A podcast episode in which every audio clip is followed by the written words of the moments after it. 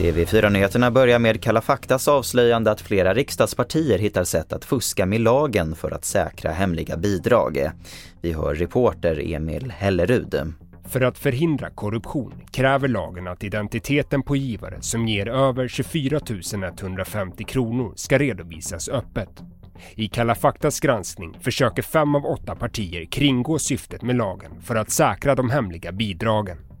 Det gäller Socialdemokraterna, Kristdemokraterna, Moderaterna, Sverigedemokraterna och Liberalerna. Och Kalla fakta sänds ikväll klockan åtta i TV4 och finns redan nu på TV4 Play. Så till norra Algeriet där minst 26 människor omkommit och tiotals skadats i skogsbränder. Det är flera människor från den nordöstra delen av landet som nu rapporteras fly sina hem. Och sedan början av augusti har 106 bränder brutit ut i landet som har förstört över 2500 hektar skogsmark. Och vi avslutar med partiledardebatten som hölls igår kväll. Det var en het debatt med stundtals högt tonläge. Bland annat så kräver Vänsterpartiet en plats i regeringen för att stödja en S-ledd regering efter valet. Och det får sätta punkt för TV4-nyheterna. Jag heter Albert Hjalmers.